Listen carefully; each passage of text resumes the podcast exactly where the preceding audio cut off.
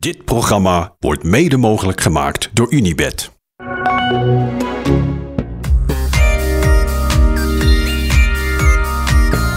Thijs, goedenavond. Michiel, goedenavond. Goedenavond. Goedenavond. Thijs, wanneer dacht jij, ja, het kan voor Wout Poels? Uh, nou, toen ze wegreden, dacht ik wel, dit is, dit, uh, beter kan je het eigenlijk niet krijgen, deze groep. Met, uh, met twee motoren die op het vlak, op dat tussenstuk, naar de klim echt verschrikkelijk hard rijden. Met, met Van Aert en met Soler. Ik denk dat Nijlands misschien bergop wel de grootste concurrent was. En die ging op zijn smoel omdat hij een bidon aanpakte.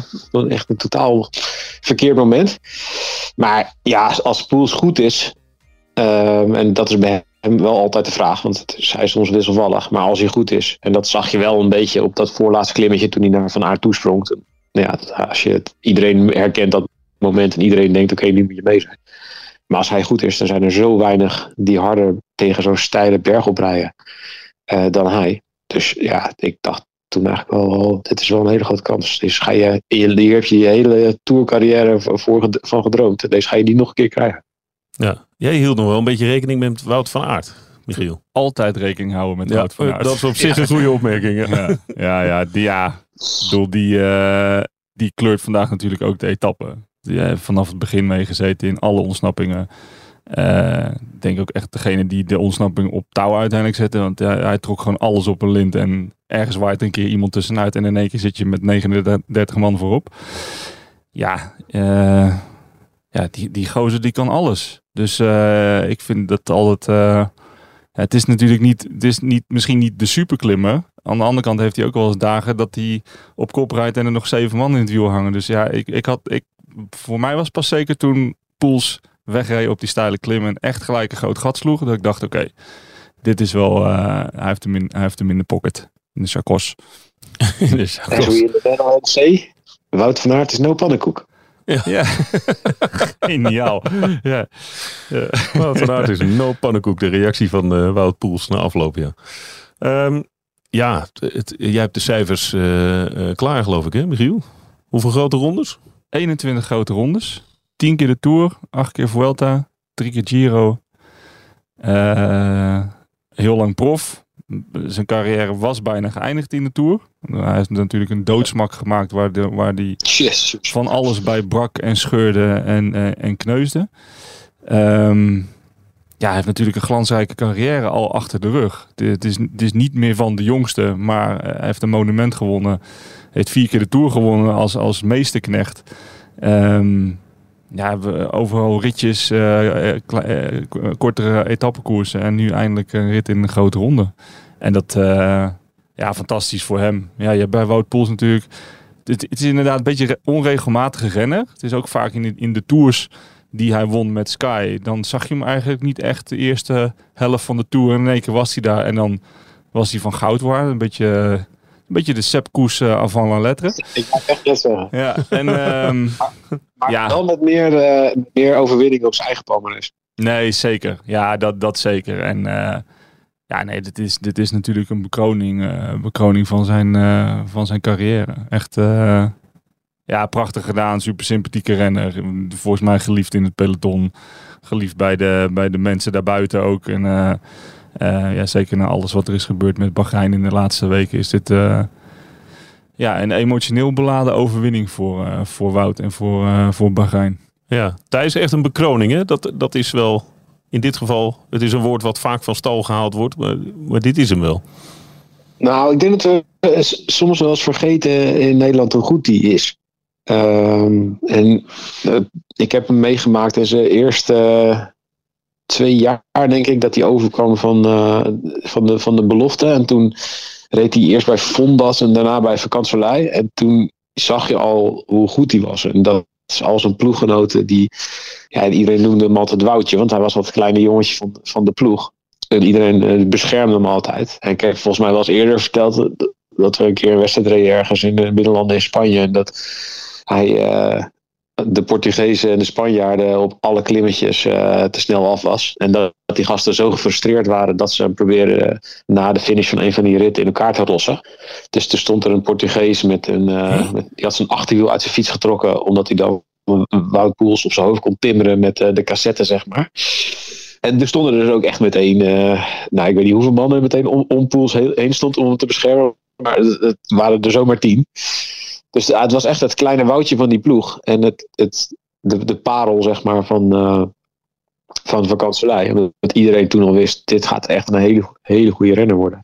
En ik denk dat we soms wel zijn vergeten in die Sky-jaren hoe goed hij was. En hoe belangrijk hij voor die ploeg was. Dat het een soort van vanzelfsprekend was dat Poels daar rondreed met Froome op zijn bagagedrager. Maar ja, het is een supergoeie renner. Het is een van de beste renners die we in Nederland hebben gehad de afgelopen 15 jaar. En dat hij bij Sky is weggegaan met het idee: ik wil toch nog een keer voor mezelf rijden.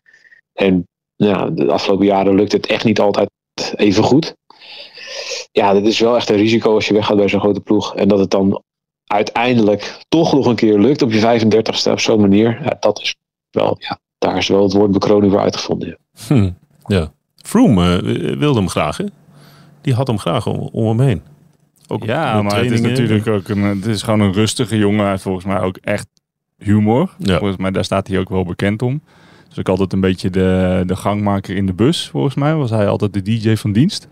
Dat eh, hoorde ik altijd. En ehm, ja, het is natuurlijk volgens, ja, het is natuurlijk een hele trouwe, loyale jongen. Een hele knecht. En eh, ja, volgens mij is dat, zijn dat juist de ingrediënten om, eh, ja, om, om een toerwinnaar bij te staan. Dus ik snap heel goed dat, eh dat Froome hem eh, graag bij had. En ja, wat ik zeg, hij speelde altijd wel ergens een hele cruciale rol in de toeroverwinningen. Eh, misschien niet in de eerste helft van de tour, maar altijd kwam hij ergens bovendrijven dat je dacht, zo, lekker dat je Poels in de ploeg hebt, Ja. want die redt hier even de meubelen. En waar haalt hij dat Ja, vandaan? en dat is wel. eh, ja, dat is natuurlijk ook een beetje misschien waarom we vergeten dat hij zo goed is. Omdat je bij Pools altijd het idee hebt dat er dan inderdaad nog iemand achteraan komt voor wie die aan het fietsen is. In plaats van dat hij voor zichzelf aan het fietsen is. En nou, nou, nou mag hij voor, voor zichzelf fietsen. En als hij dan echt ja, zo'n goede dag heeft, dan zie je echt wat voor klasse hij heeft. Want laten we wel wezen, die andere Wout is inderdaad geen pannenkoek.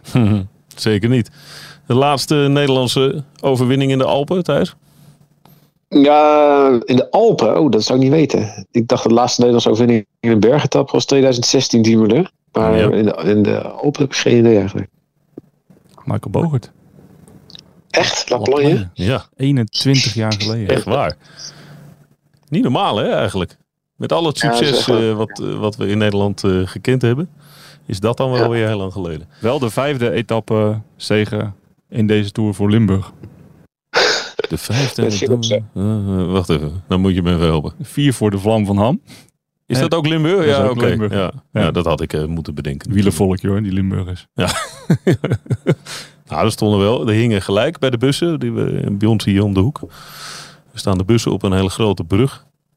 Waar je ook vanaf kan bungee jumpen als je zin hebt trouwens. Ehm, maar er stonden gelijk twee eh, Limburgse fans met Limburgse vlaggen te zwaaien. Ja? Wachtend op Wout Poels die eh, van de berg afkomt. Ja, Je ziet ze overal hè.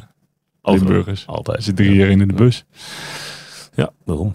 Ehm, even over een bijzin die we de, eigenlijk de hele tijd horen op het moment dat eh, Bilbao wint, op het moment dat Poels wint vandaag. Ehm, in het licht van alles wat er gebeurd is rondom het overlijden van eh, eh, Gino Mede, ploeggenoot van eh, Wout Poels. Hoe is dat, Michiel? Jij hebt dat ooit meegemaakt in een ploeg toen Michael Golaert overleed, Parijs-Roubaix. We hebben het er vaak over gehad. Maar hoe zijn die weken daarna voor zo'n ploeg? Ja, dat is. ehm, ja, dat beleeft iedereen op zijn eigen manier. En dat is natuurlijk een beetje een cliché om te zeggen. Maar eh, wat ik toen heb meegemaakt is dat, dat je renners hebt die daar een soort motivatie uitputten. Inderdaad, van oké, ik ga alles op alles zetten om voor hem te winnen. Eh, en, en, en dat kunnen omdraaien in iets positiefs. Maar je hebt ook renners die heel ja, lethargisch worden. Heel, ja, gewoon een, soort. eh, ja, daar komt een soort verdriet overheen waar je, waar je echt mensen bij nodig hebt om daar weer uit te komen. Dus ik denk het verhaal van Bilbao was eigenlijk een beetje dat verhaal. Weet je wel, drie weken voor de Tour zoiets heftigs meemaken. En dan eigenlijk gewoon de zin voor het fietsen of te veel over de zin van het leven gaan nadenken. Van ja, hoe belangrijk is dit nou? Is het nou inderdaad waar, waard om voor te sterven? Ja, eh, op het moment dat je natuurlijk in die modus schiet, dan, dan, dan schiet je de hele andere kant op. En dan heb je dus echt mensen om je heen nodig die jou weer gaan motiveren. En, uh, en ja, in het geval van Bilbao zeggen van... Oké jongen, kom op, uh, doe het dan voor die familie, doe het voor Gino. en dan uiteindelijk alsnog hier aan de toerstart verschijnen en, en een etappe winnen. Ja, het, het is, dat is moeilijk. ja, hoe vaak nou ja, hopelijk maak je het nooit mee, maar hoe vaak maak je zoiets mee? Dus het is ook, um, ja, is, is moeilijk te zeggen hoe je daarmee omgaat. Te, kijk voor, wat ik heel erg merkte toen, kijk, ik, ik was natuurlijk een coach en dan heb je een andere soort band met een renner dan wanneer je twee renners met elkaar hebt. Ik, bedoel, ik kan me heel goed voorstellen dat Pools en Bilbao ook echt vrienden waren met Gino Meder dat is natuurlijk een andere band dan bijvoorbeeld de ploegleider van Bahrein heeft met Gino. Dat zullen geen.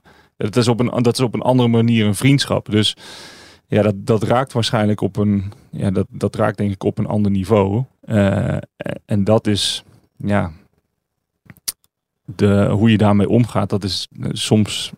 Dat is misschien een beetje moeilijk te verenigen. Dus ik denk dat een ploegleider misschien dan eerder een soort knop kan omzetten. Oké, we moeten weer focussen op de tour. Terwijl je als je echt vriend, vriendschappelijk om bent gegaan of het me echt als vriend ziet, dan kan het je waarschijnlijk allemaal een beetje gestolen worden. Ja, dan legt het je lam. Ja, precies. Misschien. Ja. Uh, hoeft ook niet op de fiets te zitten. Dat scheelt ook nog een stuk. Je ziet het gewoon. Ja, je moet ook ergens de knop omzetten dat de angst eruit gaat. Dat je weer gewoon een berg afdaalt. Dat je denkt, oké, ja, dit is mijn werk en uh, ik, ik ga deze bocht in en dit gaat net. Dat, ja, kijk naar hoe Pierre Latour bijvoorbeeld in deze tour naar, naar beneden rijdt. Ja, die wordt gewoon in elke afdaling gelost. Dat is echt heel zielig om te zien. Maar ja, als die angst erin zit, ja, ga, uh, ga hem er maar uithalen. Dat is echt onwijs moeilijk. Ja, dat. Dat, dat, dat is echt. En. Dat is een klein zijstapje. Ik vind het heel knap dat Latour daar zo open over praat. Enorm. Ja. Maar ja, inderdaad. Wat, ja, wat, wat gebeurt er inderdaad met, met een renner als je inderdaad. Uh, als je een ploegmaat verliest in een afdaling. En, en die angst kruipt erin. Door dan uh, ja, dan kan je misschien als renner, in wat ik net zeg, dan heb je een soort andere band. Dus daar, dat legt je lam. Terwijl je misschien eerder als ploegleider denkt, oké, okay, ja, weet je, volgende koers uh, zet je eroverheen. Dus ja, ik denk, wat ik toen merkte was dat, dat dat gewoon, daar moet je een soort modus in vinden. En iedereen zijn tijd geven van, oké, jij verwerkt dit op jouw manier en jij dit, doet het op jouw manier. En um, ja, op een gegeven moment hoop je dat iedereen die knop weer omzet. Maar ja, dat is, dat is niet altijd even makkelijk. Ik kan me wel voorstellen, maar misschien vul ik het te veel in en dan hou ik erover op. Ik kan me wel voorstellen dat het een soort. Uh, dat het ook zo'n ploeg dichter bij elkaar brengt. Hebt heel. Je hebt, kan me, ik denk dat er heel veel ploegen zijn die ja, niet zo'n sterke eenheid zijn. En dat dit dan ook wel op een, door zo'n ontzettende nare gebeurtenis heel erg verbindt.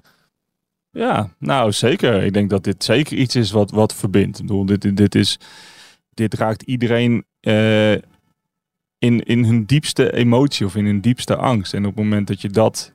Uh, dat, dat ligt er wel aan of je dat kan delen natuurlijk met elkaar. Nou ja, goed, als je, als je een goede ploeg hebt en, en mensen die dat in, goede banen kunnen leiden. Of die daarvoor zorgen dat die, die teamgeest er is. Dan denk ik dat uh, kwetsbaarheid tonen naar elkaar, over, zeker over zo'n onderwerp, dat is volgens mij uh, het, het grootste ingrediënt van teambuilding. Door kwetsbaar durven zijn, durven toegeven dat je verdriet hebt, durven toegeven dat je de volgende afdaling die je rijdt uh, met angst zit, daar kan, over kan praten op het moment dat je over de finish komt. Ja, dat brengt een team bij elkaar. Op het moment dat jij het vertrouwen krijgt vanuit het team en vanuit je ploegmaat en vanuit de, eh, begeleiding van, dat je daar open over kan zijn. Ja, dat is, dat is het fundament van een goed team. Ja. Nou, uh, twee overwinningen voor Bahrein Victorious. Dat is uh, in ieder geval een prachtig eerbetoon.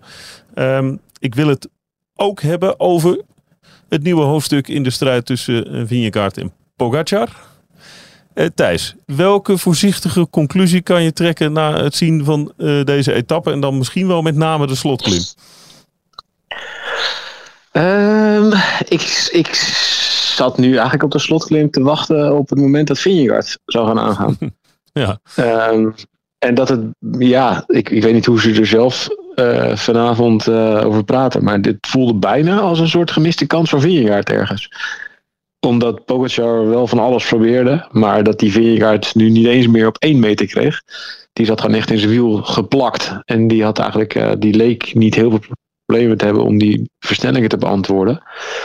Ehm, ja, het, het, leek er nu echt een beetje op alsof Vingegaard beter was dan Pogacar bergop. Maar ja, dat zeg ik, dat leek. Ik kan niet, wij kunnen niet in zijn benen kijken en, in zijn hoofd hoe dat voelde en wat er werd gezegd. Maar Pogacar probeerde een soort van, nou ja, een andere tactiek. Jezus laten wegrijden en dan maar kijken wat er gebeurde. Ja, omdat het er grappig uitzag. Het, het zag er ook grappig uit omdat de rest dus echt zijn best doet om, iets, om dan weg te rijden. Yates en Soler die proberen dan echt weg te rijden. En dan zie je die Carlos Rodriguez, die haalt ze dan in op kop rijden. En die probeert gewoon zo hard mogelijk om op kop te rijden. En Vingegaard en Pogacar zijn eigenlijk alleen maar naar elkaar aan het kijken. Alsof het super langzaam gaat. Ja. Dat, dat gaat het niet, want het gaat heel hard. Alleen zij kunnen nog veel harder. En ehm, ja, dit was... Ja, ik denk niet dat het onwijs veel zin had wat Pogacar deed op deze klim. Maar ja, ze zijn zo aan elkaar gewaagd dat ze gewoon zoeken naar... Ook al is het maar 0,1 eh, watt minder hoeft te trappen. Of, of wat per kilo minder hoeft te trappen als je net in het wiel zit ergens. En Pogacar hoopt dan dus dat hij net door aan te gaan... dat hij Vingegaard op een paar meter kan rijden... en dat hij dan in het wiel van Yates of van Soler... nog net het gaatje kan uitdiepen. En dat lukte echt totaal niet. En ehm, ja, ik denk dat Vingegaard en Jumbo na dit weekend... best wel weer wat vertrouwen hebben gekregen. Wat ze voor het weekend eigenlijk op de Puy de Dôme en de Grand Colombier... misschien wel een klein beetje waren verloren. Eh, eh, misschien hadden ze het ook wel ingecalculeerd hoor, dat dat de bergen waren waar ze eh, op zouden verliezen. Maar in dit weekend leek Vingegaard in ieder geval absoluut niet minder te zijn dan Pogacar. Nee, begint het te werken, Michiel? Dus de, Het lijkt er wel op. de getrokken sloophamers. Ja, ja, het lijkt er wel op. Vandaag had, had Pogacar niet, niet het, de vinnigheid die hij in de andere, bij zijn andere aan- aanvallen had. En ehm, ik vond het inderdaad ook wel een grappig zicht wat er gebeurde op de laatste klim. Vooral omdat ik ook vond dat Vingegaard heel zenuwachtig eigenlijk ervan werd. Het is, nogmaals, hebben we ook al een paar keer gezegd, maar de component van psychologische oorlogvoering wordt wel nou, wordt, wordt volledig uitgemolken hier zo in deze tour. Ehm, ja, ik denk niet dat hij, ja, heeft hij een kans laten liggen. Hij had, hij had Pogacar ook nooit afgereden. En het is gewoon niet aan hem. Hij staat die 10 seconden voor. Dus eh, het gevaar denk ik dat hij voor ogen had is dat als ik ga, dus Vingegaard, dan loop ik misschien op een counter. En dat, dat was gevaarlijker geweest. En, maar nu kon ja, wat Thijs zegt, simpel beantwoorden. Hij- Maar hij moest niks lossen. Als, hij zat er echt nog... hij- nu zat Vingegaard dan met overschot. Dus waar we gisteren denk ik aan twijfelen waren over wie nou echt de morele winnaar was, was het vandaag duidelijk Jonas. Maar Maar ik, ik, ik zou wel willen weten wat er zou zijn gebeurd als die grote crash niet was voorgekomen. Ja. Dus als, die, eh, als Van Hooydonk niet was gevallen en Kuus, wat, wat Jumbo dan eigenlijk, want dan, ja, dit heeft eigenlijk het hele, de hele etappe bepaald en het verloop van de etappe bepaald. Ja. Maar tot op dat moment was Jumbo eigenlijk bezig met een plan. Eh, het, het- ik denk, denk dat het plan eh, ja, heel erg leek op het plan van de dag ervoor. En Van Aert zat al in de kopgroep. En ja, dan kon je echt wel een beetje zien aankomen dat ze weer verder gingen, gingen doordrukken. En dat, eh, ja, die, die, door die grote crash en de, doordat het helemaal stil viel in het peloton. En doordat zowel Van Hooijdonk en Kuus eh, waren eh, beschadigd. is het een totaal andere dag geworden. Eigenlijk een dag die meer geschikt is voor UAE en Pogacar. Waarbij het meer aankomt op, het laatste, op de laatste klim. Ja. En dan nog was Vingegaard dus in staat om Pogacar te volgen. Dus ja, ik ben het met Michiel eens. Mentaal, eh, als iemand eh, de mentale winnaar was, of de morele winnaar was, dan was het ja, Vingegaard. ja. Nou, vind ik dan toch wel opvallend. ja, Ik, ik snap de uitleg, maar dat als je dit drie dagen geleden dit scenario had neergelegd, dan... ja, nou ja, er komen natuurlijk nog een paar sleutel, eh, sleutelritten aan. Eh, de tijdrit, eh, de rit over de Lozen en, eh, Dinsdag, woensdag. en natuurlijk zaterdag in de Vorgezen. Ja. Gisteren zat ik in, eh, in de bus terug richting het hotel. En dan heb ik even eh, heel even een uurtje en een kwartier voor mezelf. En even na te denken over wel eens lekker. Wat, ook wel eens lekker. Wat er nou eigenlijk precies is gebeurd. En kan me ook, eh, ondanks dat, dat Pogacar overal probeert een seconde nog te pakken. Overal probeert nog aan te vallen. En gisteren natuurlijk een gat sloeg op, op de klim en uiteindelijk weer bijgehaald werd. Kon ik me ook niet helemaal aan de indruk onttrekken dat hij gisteren een klein beetje wachtte op de laatste klim. Hij zag, oké, dit gaat niet lukken, dus ik, ik, ik wacht. En er kwam een soort van gelatenheid. Maar ik kan me dan ook wel voorstellen dat, ze met, dat hij met zijn hoofd ook al misschien al wel bij de tijdrit zit. Van ja, wij krijgen, ik krijg hem gewoon niet verder gelost. Dus dat man tegen man, dat, ja, daar gaat hij niet op winnen. Dus dan maar straks ook man tegen man, maar misschien in de tijdrit. En ehm, ja, want ik zeg, de vinnigheid was er eigenlijk gisteren nadat hij bijna tegen de tv-motor aanliep. eh, Heb ik het idee van, oh, die, die is heel even weg en zijn hoofd zit bij de tijdrit. Maar goed, dat is even, even gissen en eh, eh, fi- filosofische gedachten in het donker in de auto. maar ehm, ja, het is toch belachelijk. We hebben eh 8000 hoogtemeters gehad. Dit weekend? Ja? Ja, ietsje meer denk ik. En een seconde hebben ze gewonnen. Is raar, toch? ja, dus, En ze eh, zijn tevreden. Ja, ze zijn Ja. tevreden. Dus eh, ja, dit, dit, dit kan je natuurlijk... Ja, dit is een scenario wat je van tevoren niet uit kan tekenen. Als je twee zulke zware ritten hebt waarin het peloton ook vanaf de start er weer invliegt. Eh, Volgens, ik weet niet wat, wat het eerste uur gemiddeld was, maar volgens mij zijn ze niet onder de 60 geweest. Gemiddeld 55. Ja. nou, kijk, dan ben je inderdaad niet onder de 60 geweest.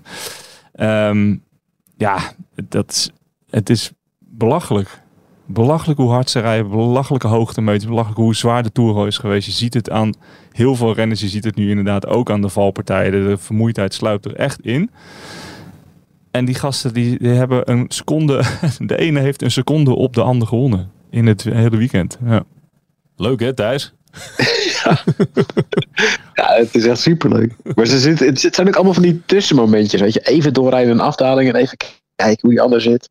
Of even in zo'n een, een van die eh, vlakke ritten van de week ook dat Jumbo op het laatst echt 70 vooraan reed. En dan in de hoop dat er ergens een breukje komt. Ja, het, het gaat echt om, het gaat om details nu.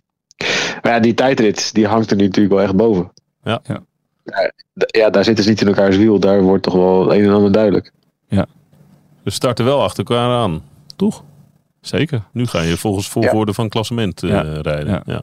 Ja, er zal Ja. wel een minuut of drie tussen zitten.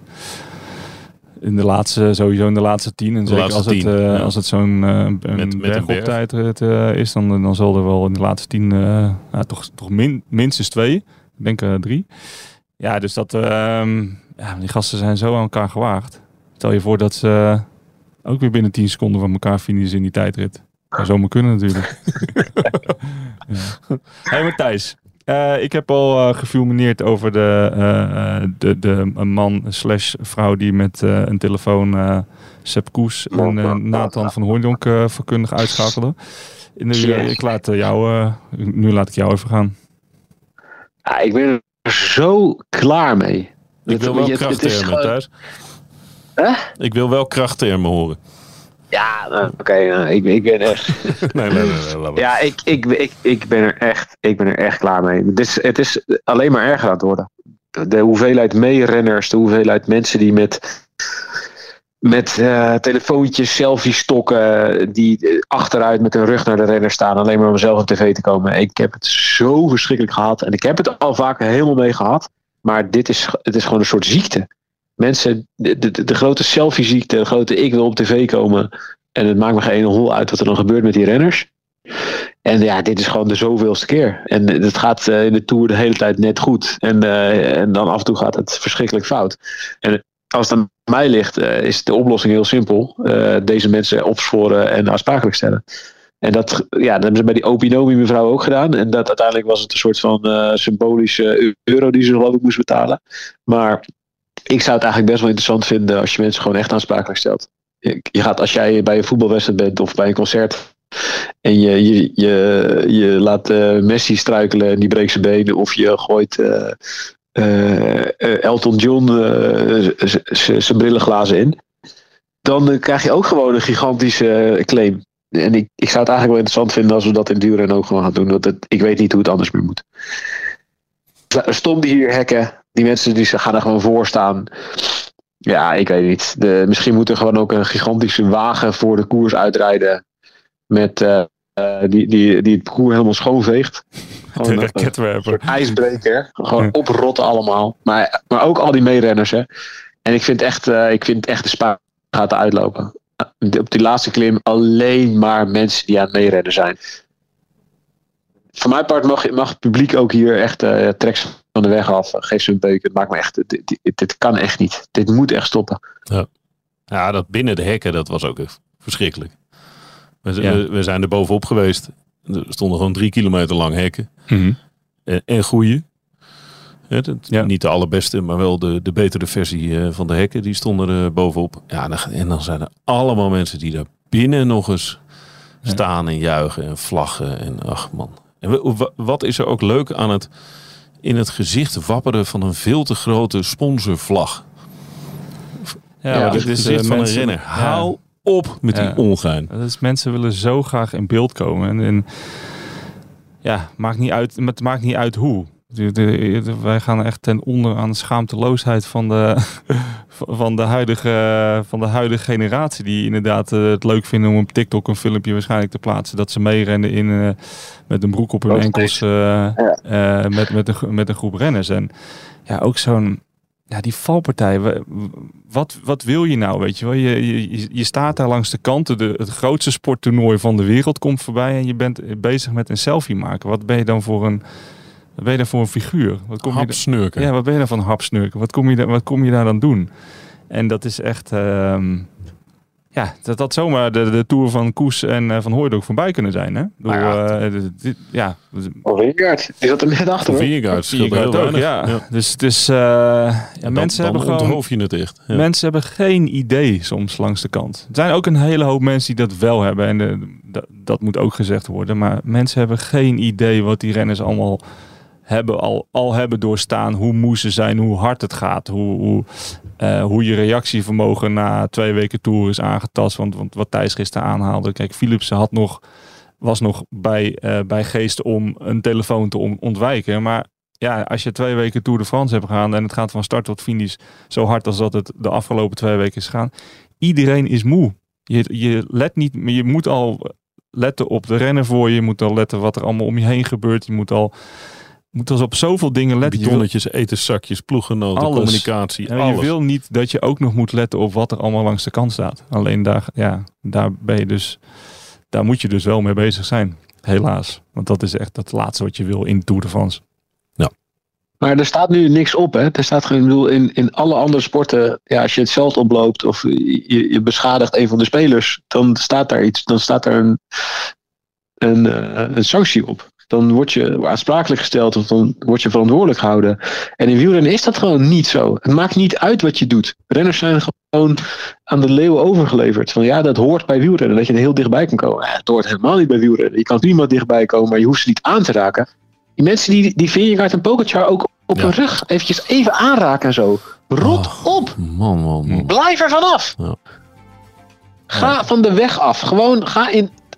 De weg is voor de renners, de berm is voor de toeschouwers en je hangt er niet overheen. Punt. En als je dat wel doet en eh, eh, eh, je brengt renners in gevaar, nou, dan, dan word je opgespoord en dan krijg je gewoon een bon. Dus volgens mij kan het niet anders meer. Dit, hoe het dit jaar gaat en hoe, zeker na corona met nog veel grotere invloed van social media en al die, inderdaad, al die TikTok en Insta filmpjes van kijk, kijk mij eens eventjes eh, 15 seconden beroemd zijn.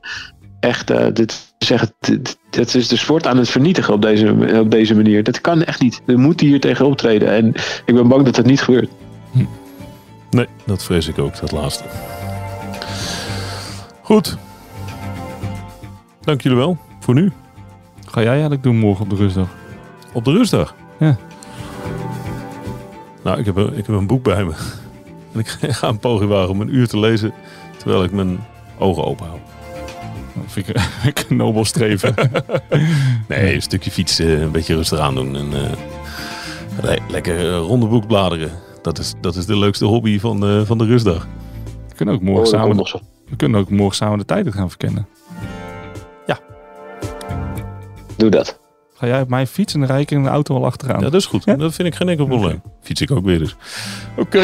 Nu heb ik nog wat. Ja, daarom. Je hebt helemaal gelijk. Succes. Thuis tot morgen. Doei. Yo. Doei. Dit programma werd mede mogelijk gemaakt door Unibed. Luister naar In Koers, borrelpraat vanuit het peloton met Wout Poels en Dylan van Baarle. Volle bak koers tot en met de eerste strook. En lekker aan elkaar gelijmd. Ja, en lekker aan elkaar gelijmd. Ik voel me wel net zo, net zo brak, eh, als ik heel eerlijk ben. Kunnen we die alvast reserveren voor naar Luik? eh? Ja, joh, die, die, die is altijd op. Als we bellen, dan, eh, dan gaan de deuren open. Beluister hem in je favoriete podcast app.